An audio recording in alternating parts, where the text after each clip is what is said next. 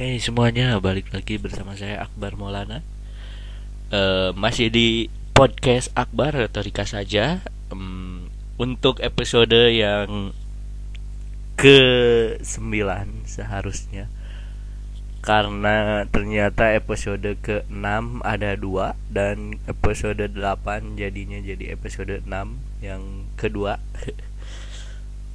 jadi sekarang episode ke-9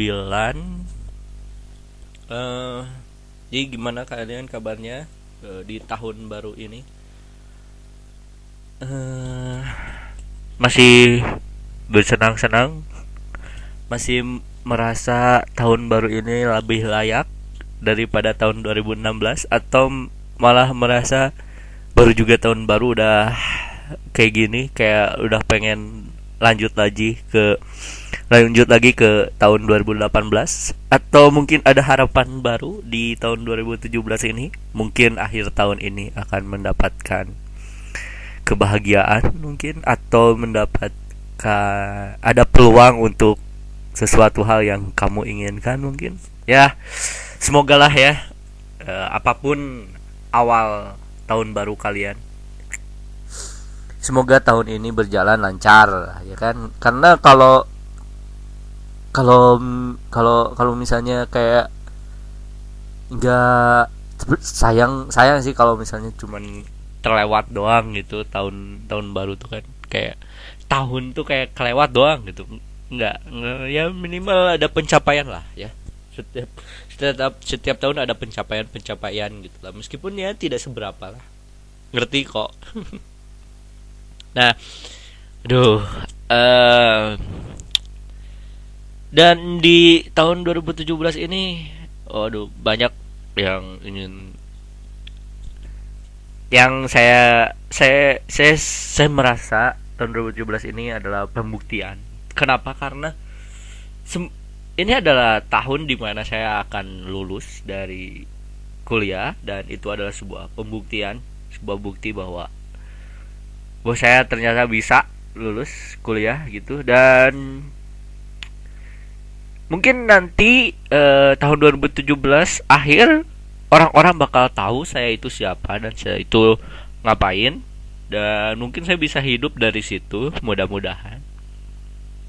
Dan semoga saja saya bisa lebih eh, bersikap dewasa bisa bertanggung jawab lebih terhadap kerjaan mungkin atau mungkin ke terhadap karir ya. Karena aduh bagi saya tahun 2017 itu kayak ah, pembuktian karir gitu pembuktian karir saya gitu dan ngomong-ngomong karir gimana nih uh, apakah kalian uh, merasa kalian telah menemukan karir yang kalian inginkan.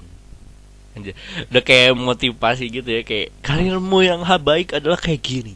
Kamu harus mengejar passionmu. Ah, kayak gitu gitulah.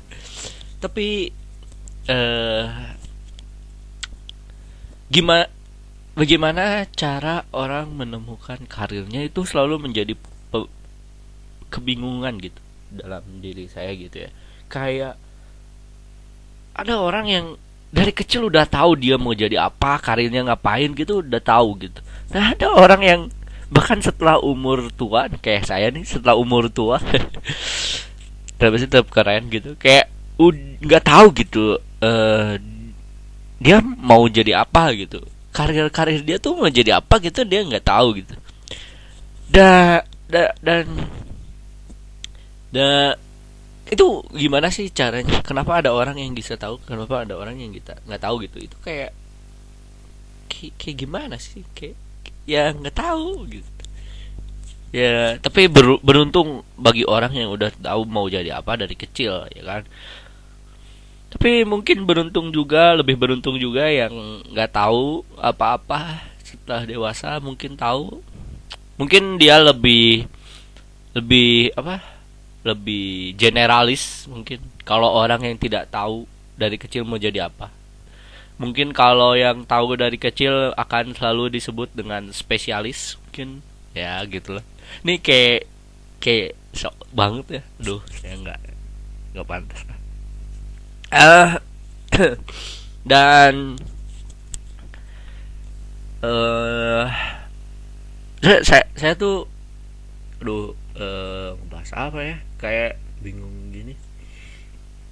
Uh, kalau kalau eh kalau misalnya kemarin kan ngebahas soal agama dan keidentitasannya kan kayak eh ya itu kan sebuah ya, ya, ya identitas kan misalnya kayak nama gitu yang kayak kemarin dibahas kan kayak terus juga cara berpakaian misalnya ya kan? Dan dan saya jadi ingat film ini tahu nggak sih? Film film judulnya tuh P PK PK dari India. Itu tuh juga kayak ngebahas soal agama dan keidentitasannya dan bahwa dan emang itu tuh tidak saya ada ada ada adegan yang menarik di situ ketika ada orang yang ada seorang yang menebak eh, ada orang ada ketika si si pemeran utamanya si PK ketemu dengan orang yang dianggap eh, Tuhan atau dianggap eh, sebuah na, se, dianggap nabi mungkin ya nggak tahu dianggap Tuhan di sebuah ruangan. Terus si PK itu mengajar mengajak si menyuruh si nabinya tuh untuk menebak gitu.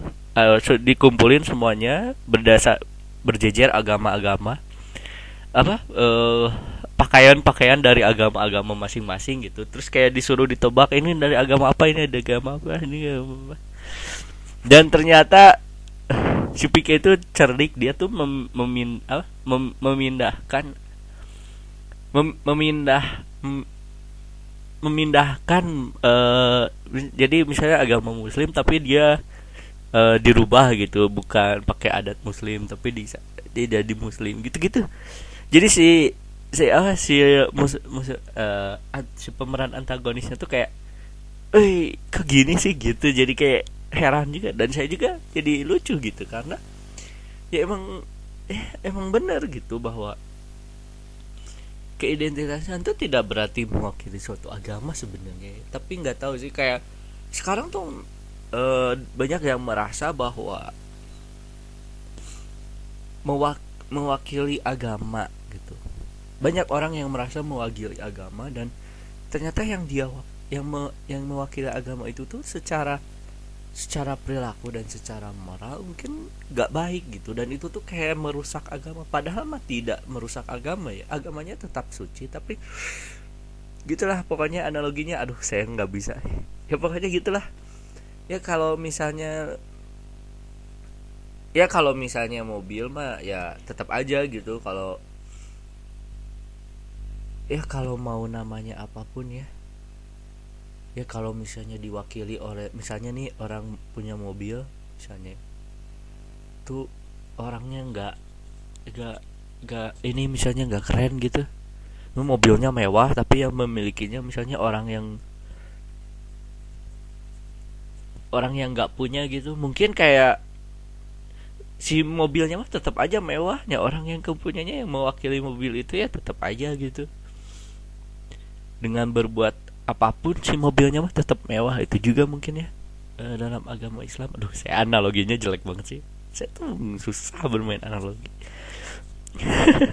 Gitu menurut saya tuh. Dan jadi jadi ya udahlah ya. Dan ya jadi ya udahlah ya. Jadi pisahkan antara agamanya dan penganut agamanya yang jadi salah adalah penganut agamanya bukan agamanya gitu. Dan dan saya juga sebagai Muhammad Akbar Maulana jelas saya mewakili agama Islam karena dari nama saya Muhammad Akbar Maulana itu sudah merepresentasikan agama Islam. Dan saya tuh sebenarnya agak khawatir gitu. Kalau misalnya saya dianggap saya tuh takut jadi contoh buruk.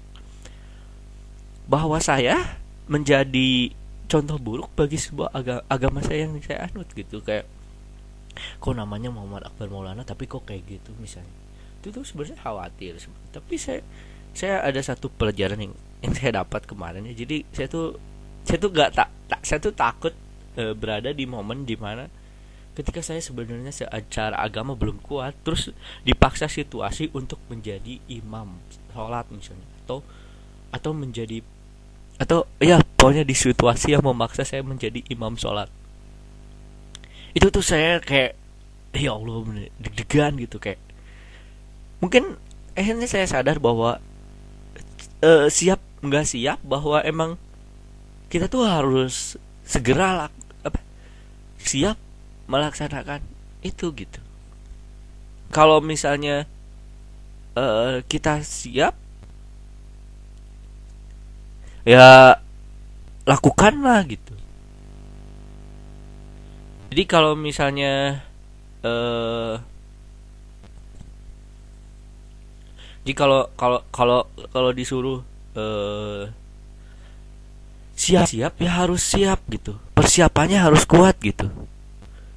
Jadi kayak uh, semua harus di uh, laksa jadi kuat dan siap gak siap ya harus bukan itu. Jadi kita tuh harus bersiapan gitu. Ya minimal tidak mencontoh buruk lah minimal tidak malu-maluin kalau misalnya disuruh menjadi imam sholat pada akhirnya saya berpikir bahwa saya menolak untuk tidak mempelajari agama ini misalnya.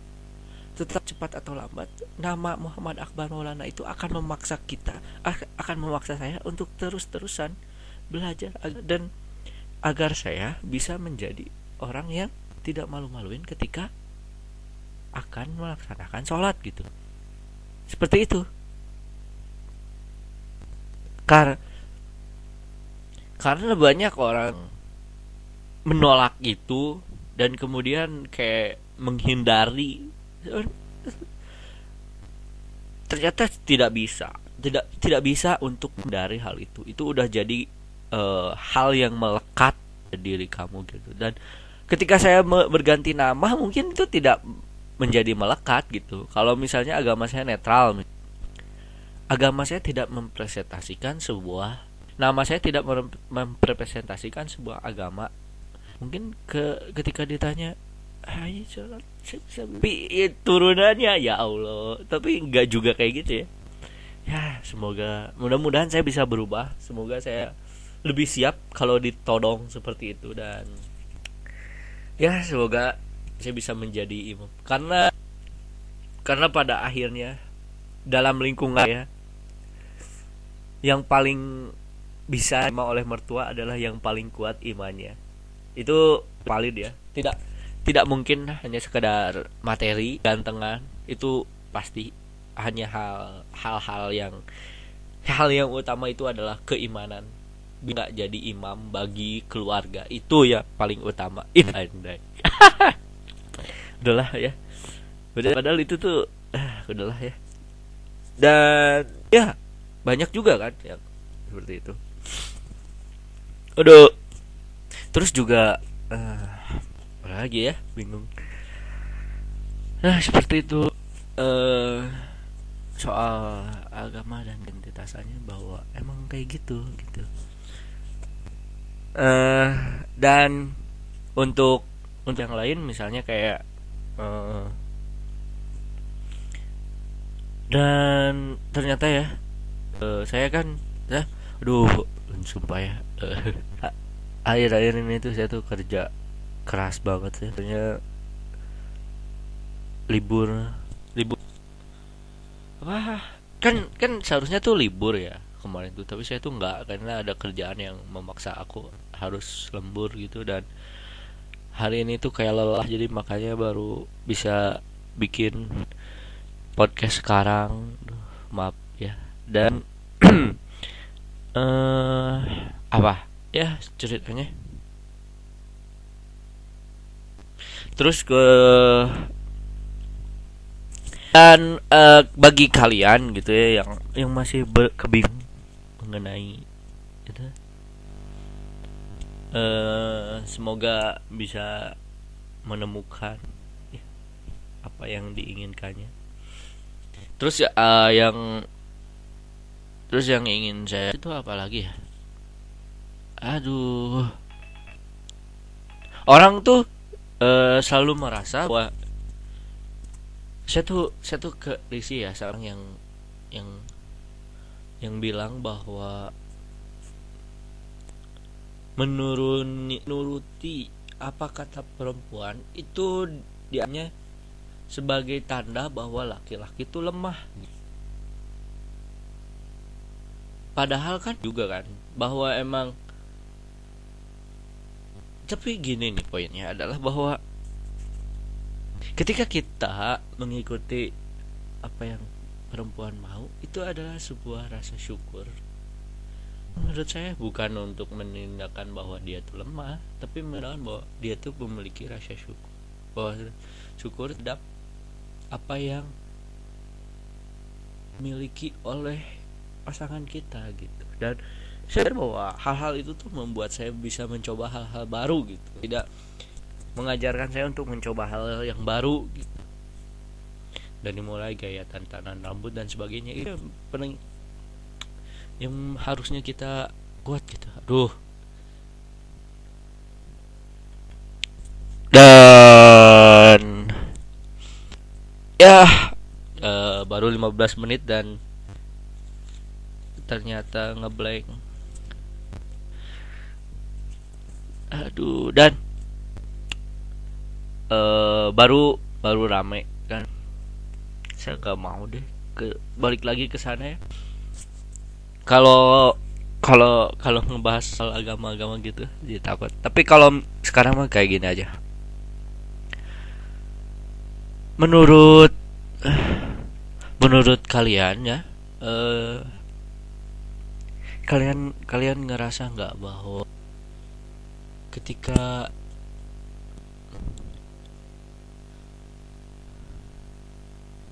ketika kita ber, ber ketika zaman sekarang ya perbedaan pertemuan tuh kualitas pertemuan tuh menjadi ya tidak ada tidak ada lagi keindahan dalam pertemuan. Biasanya saya, saya tuh tertarik gitu dalam berkumpul. Sekarang sumpah ya saya tuh kayak males gitu kalau ketemu temu dan entah kenapa saya tuh kayak beda aja gitu sama pergaulan tuh. Saya tuh dianggapnya aneh dianggapnya beda. Dan saya tuh suka selalu mengangkat mengatakan hal yang berbeda dan membuat saya tuh nggak punya teman gitu.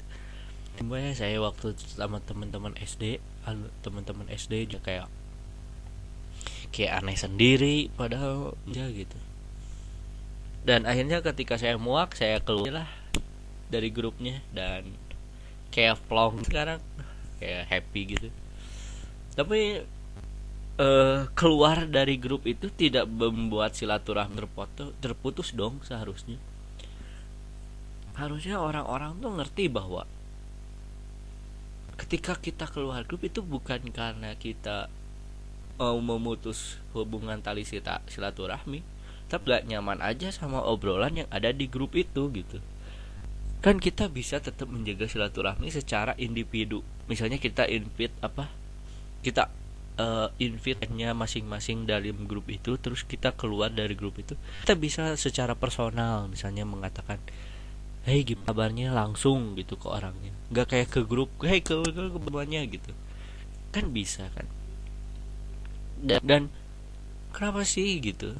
Nggak ngerti gitu. Kan kalau misalnya mau keluar ya hak dia dong. Kenapa harus susah banget sih gitu.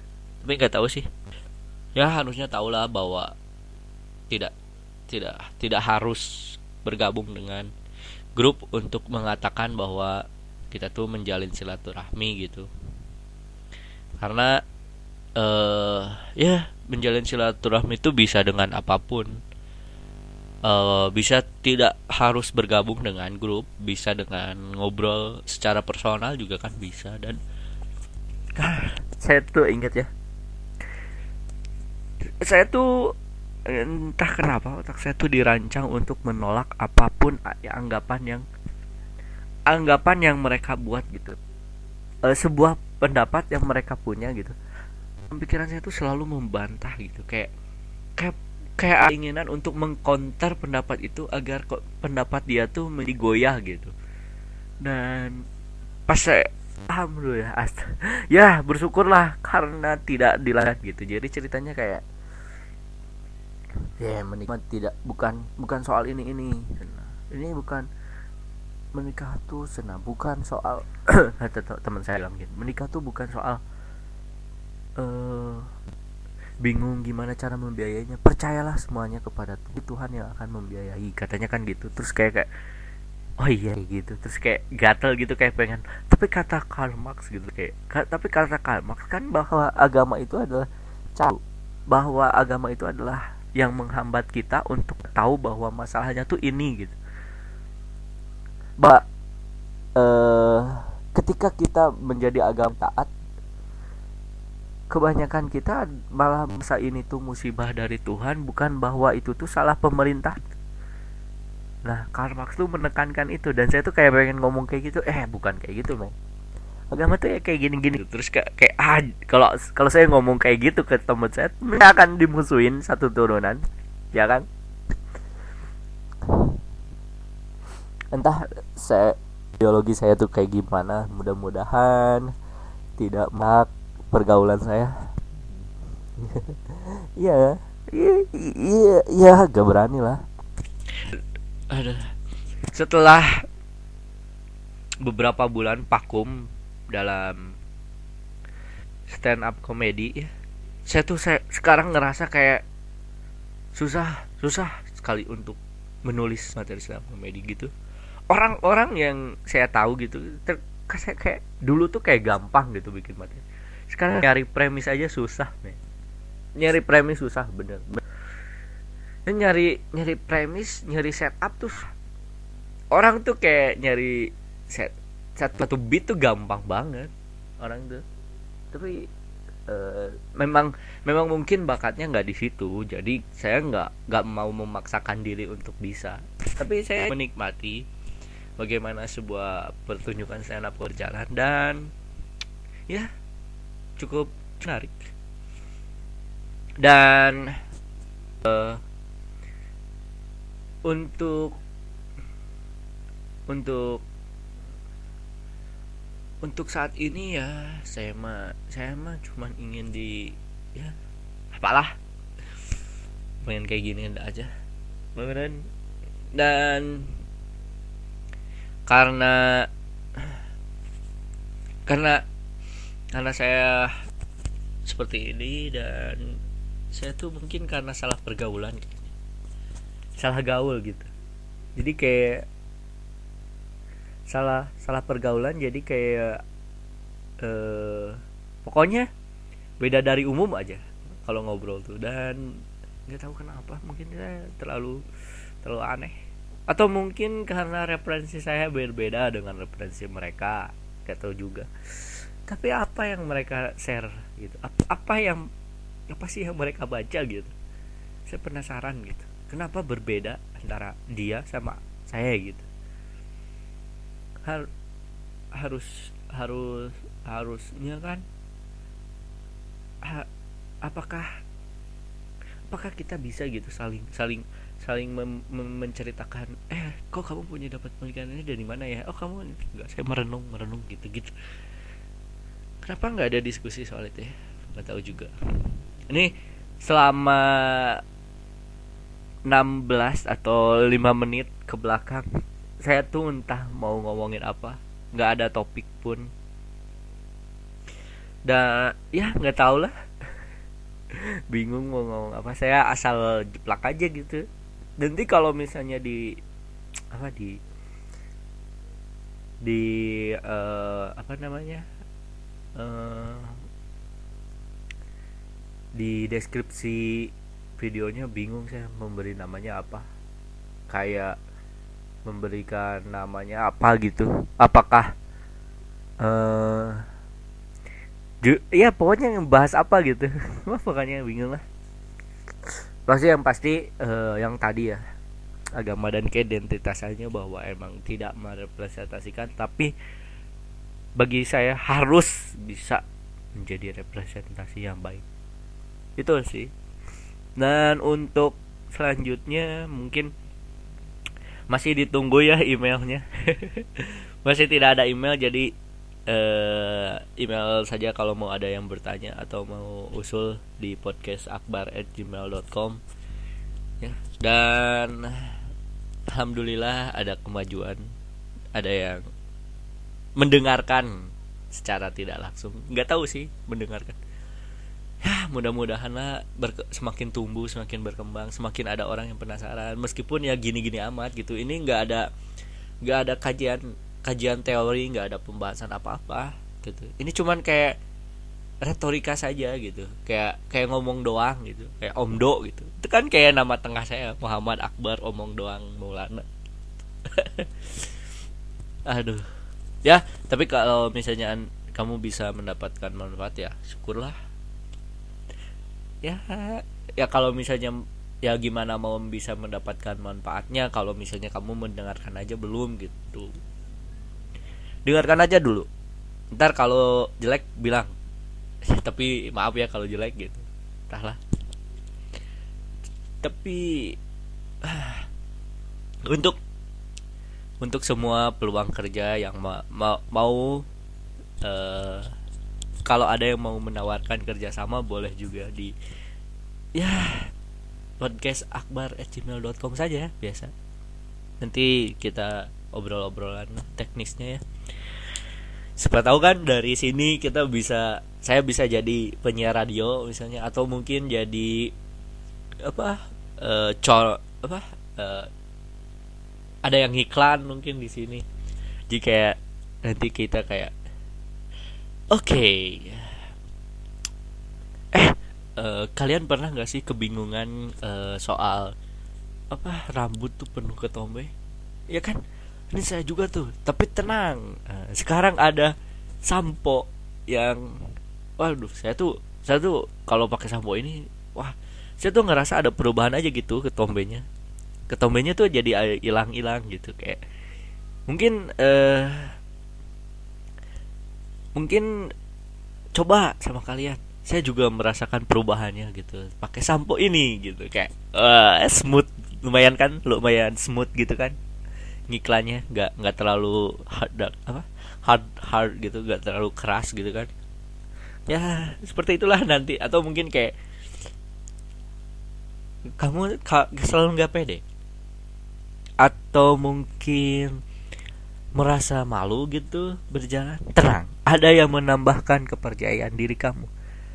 Saya juga merasa seperti itu dan saya sekarang tidak lagi merasa seperti itu karena ada pomade akbar azik gaya iklan gitu. Aduh masih ditunggu lah. Semudah aduh dan dan dan karena saya hidup dan ah ya pokoknya ditunggu lah. Dan untuk semuanya selamat. Dah uh, kita tutup saja ya retorika saja ini dengan uh, podcast Akbar. Semuanya hanya retorika saja. Tidak ada tidak ada action tidak ada tindakan hanya retorika